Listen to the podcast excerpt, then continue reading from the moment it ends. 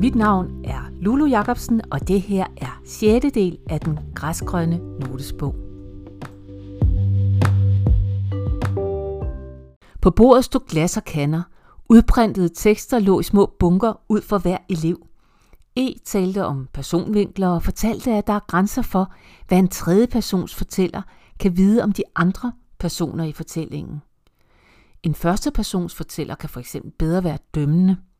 Hmm, måske skulle jeg skifte fortællervinkel, tænkte kvinden i historien.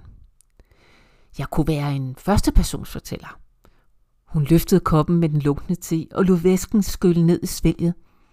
Der sker noget andet, når man skifter personvinkel og tid, tænkte jeg. Og holdt stedet fast i billedet af kvinden i historien, mens jeg drak min te. E taler om, at det er en god idé at lave en øvelse, hvor man finder ud af, hvem ens fortæller egentlig er. Ja, det er en god øvelse.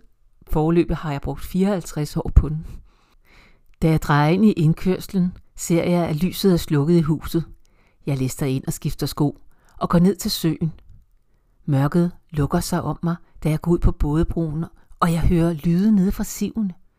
En vildfaren albatros. Jeg tænker, at det er ikke meget nyt, jeg får skrevet, men forandringen ligger måske et andet sted. Jeg mærker noget rumstere i mine åre. En bølge slår mod broen. Et stille suk af en ny verden, der uhørt går gennem mig.